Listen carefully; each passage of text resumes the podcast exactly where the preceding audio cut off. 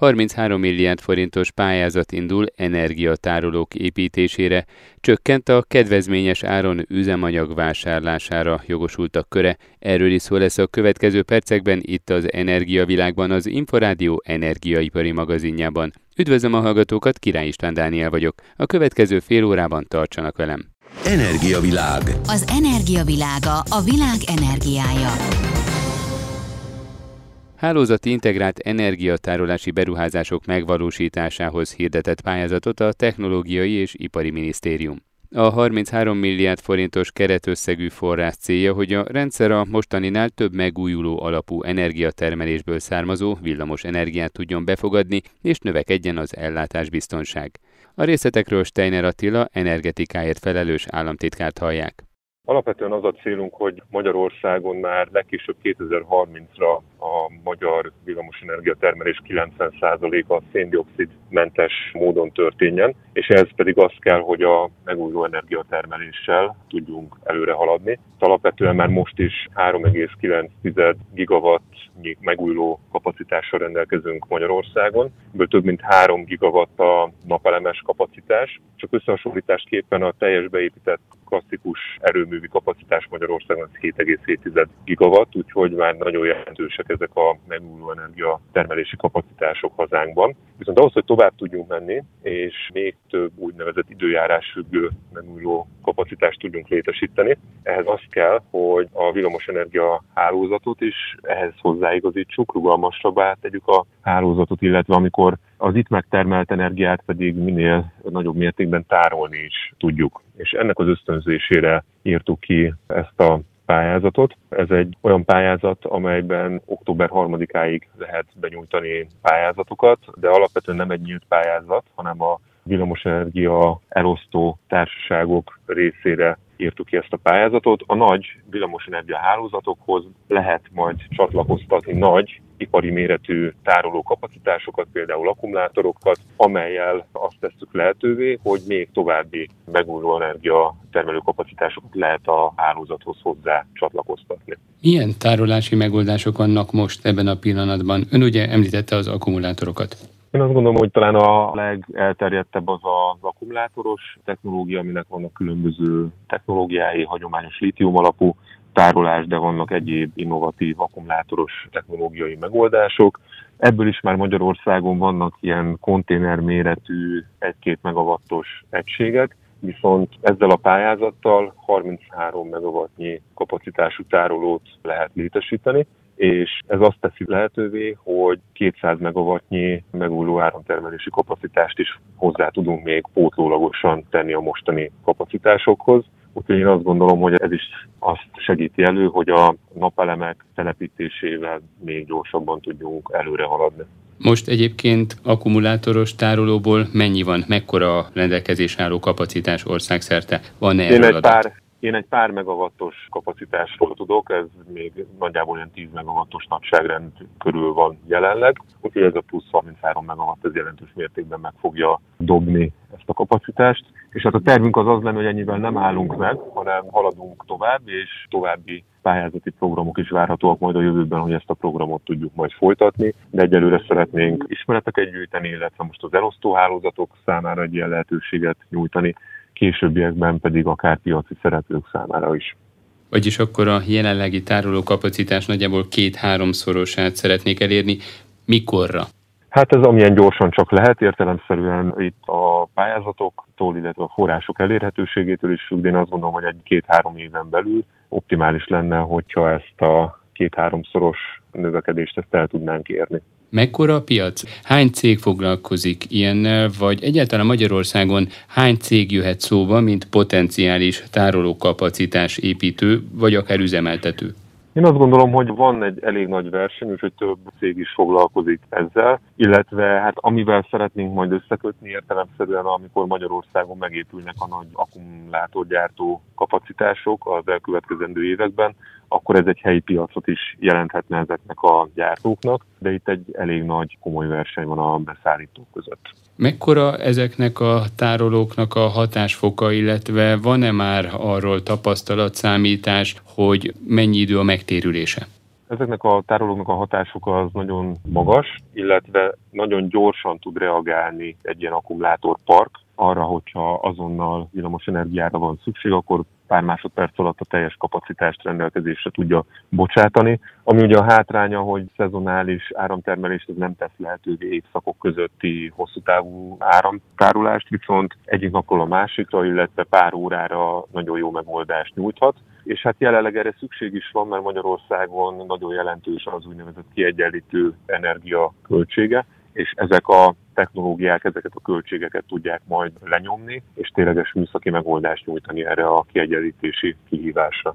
A 33 megawatt kapacitás nagyjából hány háztartás energiaigényét, villamos energia igényét tudná fedezni? Nagyságrendileg 300 háztartásnak az egy havi fogyasztását képes fedezni ez a kapacitás. Vannak már arra vonatkozó tervek, hogy területi megosztásban hogy helyezkednének el ezek a tárolók? Ez a villamosenergia elosztó társaságoktól fog függni, hogy ők ezt hol látják érdemesnek ezeknek a kapacitásoknak a telepítését. Ők ismerik a hálózati szűk keresztmetszeteket, és ők tudják, hogy hol lehet ezt a legnagyobb hozzáadott értékkel telepíteni. Úgyhogy ez alapvetően a hálózati cégeknek a feladata lesz majd kijelölni. Most tehát elsősorban akkumulátorokban gondolkoznak, de mint mondta, hosszabb távon is szükség lesz, illetve szükség lehet tárolásra, tárolói kapacitásokra. Milyen más megoldások vannak a világon? Hát egy ilyen technológia lehet a hidrogén, amikor hidrogént állítunk elő vízbontással, és a hidrogén az jól tárolható, hosszú távon is tárolható, úgyhogy a magyar hidrogén stratégiában is, amit másfél éve fogadott el a kormány, abban is ez a terület ez egy nagyon kiemelt szerepet kap. Úgyhogy én azt gondolom, hogy közép-hosszú távon a hidrogén lehet ilyen megoldás, illetve hát vannak egyéb megoldások, hogy hogyan lehet még a villamos energia kereslet kínálatot egyensúlyba tartani. Itt vannak különböző energia közösségi megoldások, ahol helyileg megtermeljük és el is fogyasztjuk az energiát, így nem is kell a nagy nemzeti hálózatot használni. Úgyhogy van, van sokfajta megoldás, én azt gondolom, ezt mind együttesen kell majd alkalmaznunk annak érdekében, hogy itt a megfelelő eredményt el tudjuk érni. Ezzel párhuzamosan a tárolási kapacitás jelentős bővítésével párhuzamosan milyen hálózatfejlesztésre van vagy lehet szükség, hiszen a Mavir a közelmúltban jelezte, hogy további kérelmeket hálózati csatlakozásra naperőművek, napelemparkok részéről nem tud befogadni. Nagyon sok van most is a tárban, nagyon jelentős mennyiségű kapacitás, de újakat most egyelőre nem tud befogadni. Szóval milyen hálózatfejlesztésre van vagy lehet emellett szükség? Már elkezdődött ez a hálózatfejlesztési program, a kormányzat 103 milliárd forintnyi támogatást nyújt 50%-os támogatás intenzitással a hálózatos cégeknek. Ennek eredményeként további 2000 megawattnyi napelemes kapacitást lehet majd a hálózathoz csatlakoztatni, ezek a beruházások megvalósulnak, de ezt a programot is tervezzük majd folytatni, úgyhogy amint ezek a beruházások megvalósultak, akkor újabb nagyon komoly összegeket szeretnénk majd főleg RRS forrásokból majd erre fordítani. És az, hogy most a Mavir mihez képes mondta ezt a kapacitástopot, az fontos tisztázni, hogy jelenleg ugye több mint 3000 megawattnyi napelemes kapacitás van már most is a hálózaton, ami működik, illetve folyamatban van még 5000 megawattnyi kapacitás, amelyre már valamilyen fajta engedély ki van adva, vagy már bírálat alatt van az engedély, és ez a 3000 plusz 5000 megawatt felett mondja azt a Mavir, hogy a jelenlegi körülmények között nem tud további csatlakozást biztosítani, viszont pont azon dolgozunk ezekkel a beruházásokkal, a tárolói beruházásokkal, illetve a hálózat fejlesztéssel, hogy ez a szám ez ne nulla legyen, hanem sokkal magasabb, és ha ezek a beruházások megvalósulnak, akkor itt is tovább lehet majd építkezni. Steiner Attilát a Technológiai és Ipari Minisztérium energetikáért felelős államtitkárát hallották. Energiavilág. Az energiavilága a világ energiája. A lakosságon, a taxisokon és a mezőgazdasági erőgépeken kívül mindenki másnak most már piacjáron kell tankolnia, így a céges autóknak is, jelentette be a miniszterelnökséget vezető miniszter július végén a kormányinfón. A kabinet a döntéssel párhuzamosan felszabadította a stratégiai késztet negyedét is. Tatár Timea összefoglalója. A hazai szükségletek 100%-át fedezi a 100 halombattai kőolajfinomító, amely az elmúlt időszakban az ország kőolaj ellátásáért felelt. Karbantartást miatt azonban most átmenetileg le kellett állítani. Ebben az esetben két lehetséges útja van az üzemanyagellátásnak, az egyik az import, a másik pedig a stratégiai készletek felszabadítása, mondta Gulyás Gergely miniszterelnökséget vezető miniszter. Senki nem tudja azt garantálni, hogy a kőolajszállítás folyamatos lesz az őszi és téli hónapokban, ezért a stratégiai készlet teljes felszabadítása nem lehetséges, csak annyit tudunk felszabadítani, amennyinek a visszapótlására a következő fél évben, háromnyed évben reális esély van. Augusztusban 155 kilotonna, azaz 184 millió liter dízel-gázolaj kerül felszabadításra. A felszabadított készlet a stratégiai gázolaj készletnek a 38%-a, a gázolaj előállítására alkalmas kőolaj készlet mennyiségnek és dízel készletnek pedig együttesen a 24%-a. Ez a molnál meglévő készletekkel együtt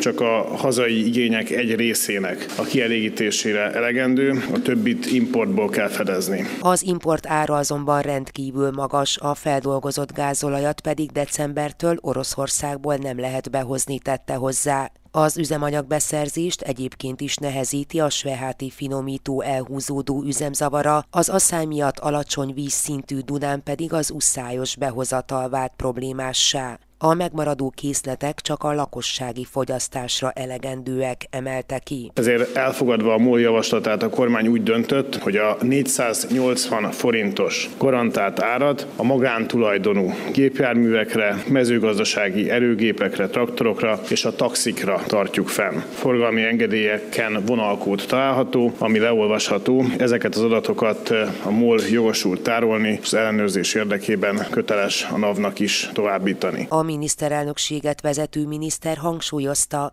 nagyon fontos, hogy a lakosságnak, aki nem céges gépjárművet használ, a kormány a lehető legtovább fent tudja tartani a 480 forintos ársapkát. Újságírói kérdésre válaszolva elmondta, a százhalombattai finomító karbantartása egy hónapig vagy akár hónapokig is eltarthat. Ha ezt követően nem indul újra, akkor kénytelenek lesznek újabb készleteket felszabadítani a tartalékból.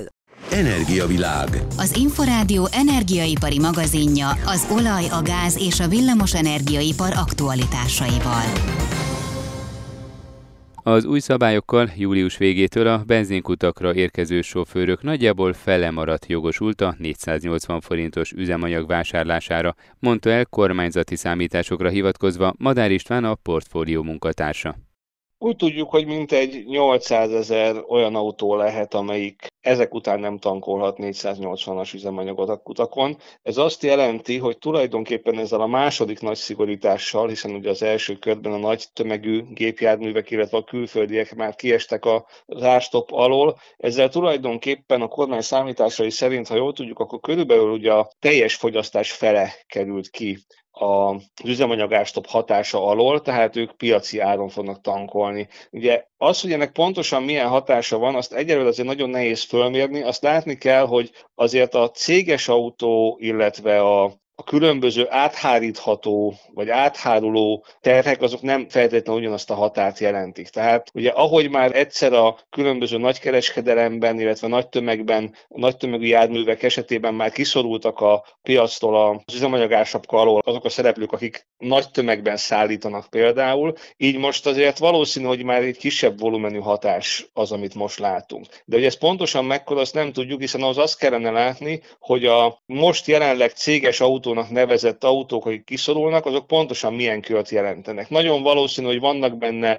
olyan kis és középvállalatok kis kapacitású szállítása, amelyik most emiatt drágulni fog, de azért nagyon sok olyan is lehet benne, amikor valaki egyszerűen a munkahelyén kap egy céges autót munkába járásra, ami még nyilván nem egy tovább hárítható teher ebben a formában, vagy legalábbis, ha csak a munkaadó nem ezt a költségét is valahol a vállalat máshol nem jeleníti meg, akkor nem feltétlenül egy ilyen direkt módon tovább háruló dolog, mint amikor valaki mondjuk tényleg szállít vele és rengeteget utazik, és közvetlenül a szállítási költségei drágulnak meg. Tehát egyelőre még a pontos hatást nem látjuk, de természetesen, ahogy az az első értelmezésekben elhangzott, azért az elég valószínű, hogy összességében azért inkább átfelhajtó hatása van, hiszen egy nagyon fontos költségelem drágul meg, de hogy pontosan mennyivel, az majd az, szerintem majd a következő hónapokban fog kiderülni. Ugye a másik oldalon, hogy ez miért volt mégis észszerű a kormánytól, vagy legalábbis miért volt az észszerű, hogy ilyen irányba lépett el, az látszik, hogy a külföldi üzemanyagkereskedők Magyarországra már legfeljebb csak annyi üzemanyagot voltak hajlandók importálni, vagy exportálni,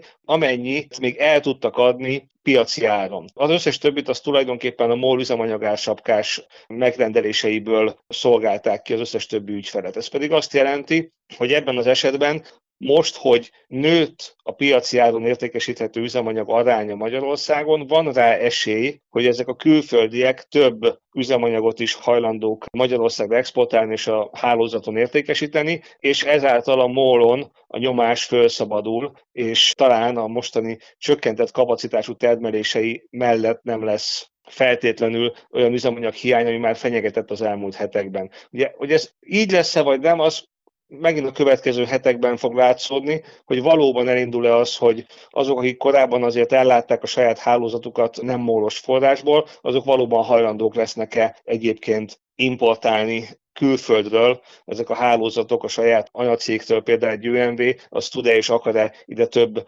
üzemanyagot behozni. Ugye a makrogazdasági hatását illetően ugye tehát lesz egyrészt egy ilyen infláció felhajtó hatású rövid távon, bár mondom ennek a mértéke szerintem azért még eléggé bizonytalan, és ami nagyon fontos, hogy ugye nagyon a külső egyensúlyt nem fogja javítani, hiszen ugye arról van szó, hogy a MOL is beimportálta eddig ezeket a üzemanyag alapanyagokat, konkrétan ugye a nyersolajat az országba, és aztán kiszolgált vele mindenkit. Összességében legfeljebb olyan mértékű lehet a külső egyensúly javulás, amennyiben csökken az üzemanyagár import Magyarországon, az pedig az üzemanyag fogyasztásnak kell csökkennie. Viszont, hogyha valóban azt feltételezzük, hogy ezeknek a cégeknek egy jelentős része a munkáját végzi ezzel a gépjárművel, akkor valószínű, hogy ott kevésbé lesz ez jellemző. Úgyhogy, és ráadásul ne felejtsük el, hogy valószínűleg drágábban jön be az üzemanyag, vagy a nyersolaj, vagy az üzemanyag maga, mint amilyen drágán a MOL az udál a nyersolajat be tudja importálni Magyarországra. Tehát összességében azt gondolom, hogy a külső egyensúlyra nem igaz igazán gyakorol hatást, az inflációra lesz egy egyszeri árfelhajtó ereje, aminek a mértéke azon fog múlni, hogy mennyire áthárítható és átháruló teherről lesz szó majd a következő hetekben, és hát azt pedig még nem tudjuk, hogy elegendő lesz-e ez a lépés arra, hogy egy ilyen nagyon magas világpiaci áru környezetben Magyarország továbbra is le tudja folytani ársapkával legalább a fogyasztás felét. Elképzelhetőnek tartom azt, hogy a nyáron még lesz olyan nyomás, amelyik miatt ezt korrigálni kell, de hogyha esetleg a nyárnak vége és a nagyobb fogyasztású hónapok elmúlnak, és közben pedig esetleg visszaáll a termelői kapacitás is a molnál, akkor elképzelhető, hogy elég lesz még azért egy ideig ez a mostani intézkedés, de az jól látszik, hogy recseg ropog a rendszer, mindenhol igazgatni kell ahhoz, hogy legalább valamennyire fönn tudjon maradni. Madár Istvánt a portfólió vezető elemzőjét hallották. Energiavilág. Az energiavilága a világ energiája. Erősen megnőtt a kereslet a tűzifa iránt a rezsiárváltozás bejelentése után, mondta el az Inforádiónak nyilatkozva a Nyírerdő ZRT vezérigazgató helyettese. Juhász Lajos azonban abban bízik, hogy a meglévő készletek és az őszi kitermelés elegendő lesz a vevők kiszolgálásához. A kormány minden esetre megtiltotta a tűzifa kivitelét. Tatár Timea interjúja. Két évvel ezelőtt gyakorlatilag nem is nagyon volt tűzifa kereslet, most meg teljesen más a helyzet. Már úgy májustól elkezdett érződni, véhetően akik nyár végén, ősz elején szoktak tűzifát venni, azok már most jelentkeznek, illetve vannak olyan személyek, úgy gondoljuk, hogy aki eddig nem vett még tűzifát, az most fog venni tűzifát. Valahogy a magyar mentalitás, a belső aurába az van, hogy szeretünk egy kicsit raktározni biztosabban, állni a lábunkon, és van, aki nem erre a szezonra vesz, hanem több évre is most vásárolja meg a tűzifáját, és reméljük, hogy a őszi fakitermelések megindulásával keresletet ki is lehet majd elégíteni, hiszen azért Magyarországon 3,5 millió köbméter tűzifa termelődik, és még őszre az állami szektorba 1,3 millió köbméter tűzifa, aprítási alapanyag még termelése vár, úgyhogy reméljük, hogy ezt a fölfokozott keresletet a őszi-téli tűzifa fakitermési szezon indítással lehet majd kezelni. Beszéltem egy környezetvédővel, aki attól tart, hogy többen nem szárított fával fognak majd fűteni, hanem nedves fával, ami ugye még károsabb a levegőre, a levegő minőségére. Mennyire látja ennek realitását? Hát két évvel ezelőtt nagyon jó száraz tűzifa készleteink voltak ilyenkor. Most ez a tavaszi vagy évelei fakitermelési készletek azért szépen fogyóban vannak. Ez gyakorlatilag száraz tűzifa. Most ami termelődik, az friss tűzifa lesz, de azért bízunk benne, hogy nagyon tudatos fogyasztóink vannak, mert az igazi tűzifával tüzelő család az mindig egy évre későbbre gondolkodik, de biztos lesznek olyanok, akik kénytelenek lesznek most friss tűzifából tüzelni. Erre egyébként az akác eléggé alkalmas. Mennyire tartanak attól, hogy esetleg a falopások száma is gyarapodni fog? Hát ez egyébként is egy élő probléma ott a kelet-magyarországi területeken. Biztos vagyok benne, hogy nagyobb problémái lesznek az erdészeinknek. Remélem, hogy a Szociális Tűzifa program ezt úgy jó fogja kezelni, hiszen a nyíredő 44.100 köbmétert szolgált ki az elmúlt évben. Ideig azt tapasztaltuk, hogy január vége körül szokott jelentkezni, amikor már az otthoni készletek elfogynak. A probléma Reméljük, hogy a magyar erdőket azért meg fogjuk óvni. Erre a 3,5 millió köbméter tűzifára minden évben lehet számolni a magyar lakosságnak, és annak azért úgy elégnek kellene lenni. Akkor is, hogyha most a rezsi árak emelkedése miatt jóval többen állnak át a fatüzelésre? Mi azt gondoljuk, hogy igen. Láttam statisztikákat, hogy a 70-es években még 3 millió köbmétert sem használt el a lakosság, talán 2,6 millió köbmétert használtak el, pedig akkor még egy kicsit másabbak voltak a tüzelési szokások. Hát bízunk benne, ennyit tudnak a magyar erdők, és hogy az árualap a lakosság irányába tudjon menni, ezért a magyar kormány a tűzifa exportot meg is tiltotta.